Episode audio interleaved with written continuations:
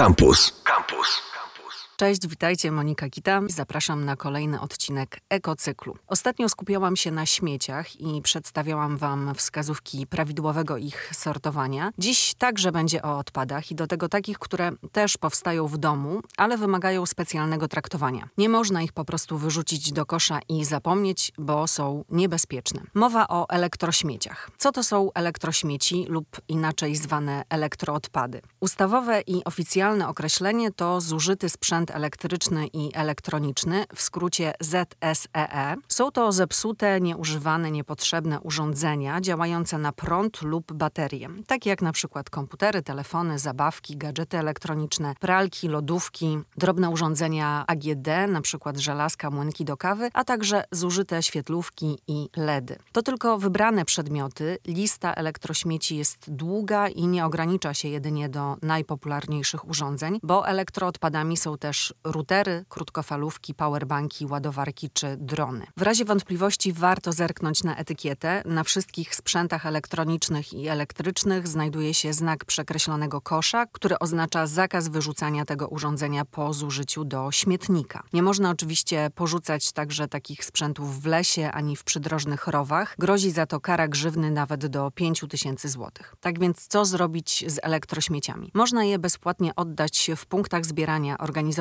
przez miasto czy gminę albo bezpośrednio firmy recyklingowe, a w przypadku dużego sprzętu skorzystać z usługi bezpłatnego odbioru z domu. Przy okazji zakupu nowych urządzeń sklepy mają obowiązek wynikający z ustawy odebrać stary sprzęt tego samego typu, czyli na przykład można oddać stary komputer kupując nowy. I to jest jedna z najwygodniejszych opcji, ale są też inne sposoby na legalne pozbycie się zużytego urządzenia. W sklepach, w biurach znajdują się pojemniki na małe elektrosprzęty i nie zapomnijmy też o PSZOK, czyli punkcie selektywnej zbiórki odpadów komunalnych, który znajduje się w każdej gminie. Tam można oddać elektrośmieci, także inne niebezpieczne odpady czy wielkogabarytowe. Dodatkowo ostatnio pojawiło się jeszcze jedno rozwiązanie. Niepotrzebny sprzęt elektroniczny i elektryczny można bezpłatnie oddać w 13 tysiącach paczkomatów na terenie całej Polski, a jest to efekt współpracy operatora paczkomatów i Fundacji Odzyskaj Środowisko. Poszukajcie informacji o usłudze elektrozwrotu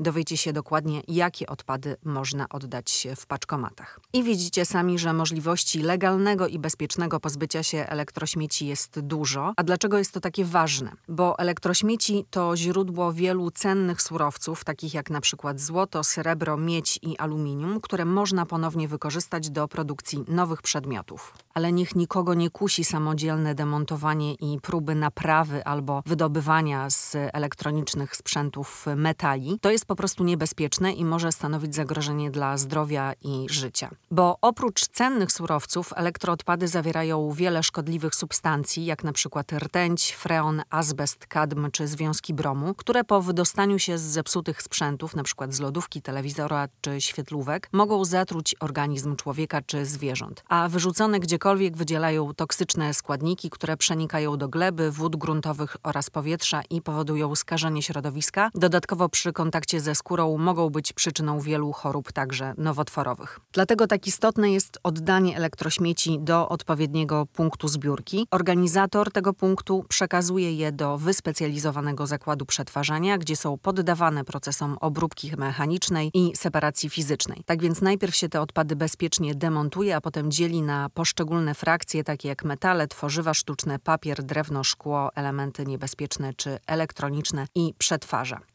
Odzysk surowców i ich użycie do produkcji nowych urządzeń jest to wielki krok do zmniejszenia wykorzystania zasobów naturalnych, także obniżenie kosztów technologicznych, a co za tym idzie ograniczenie produkcji niektórych elementów czy nawet całych podzespołów elektrosprzętów, które mogą być ponownie wykorzystane. Bo urządzenia elektryczne i elektroniczne mają w sobie wiele cennych pierwiastków, czasami bardzo rzadkich albo po prostu takich, których wydobycie jest mało opłacalne, więc łatwiej i taniej je odzyskać ze zużytego sprzętu. Ponadto niektóre niektóre metale nie są odnawialne, tak więc zasoby kiedyś się skończą. Przy tak dynamicznym wzroście produkcji sprzętów elektronicznych i elektrycznych może to nastąpić już zupełnie niedługo. Tak więc właściwie postępując z odpadami, także, a może przede wszystkim z tymi elektronicznymi i elektrycznymi, chronimy środowisko i zamykamy obieg materiałów. Bo faktem jest, że problem elektroodpadów rośnie razem ze zmianami technologicznymi i produkcją nowych, ulepszonych urządzeń. Elektrośmieci są najszybciej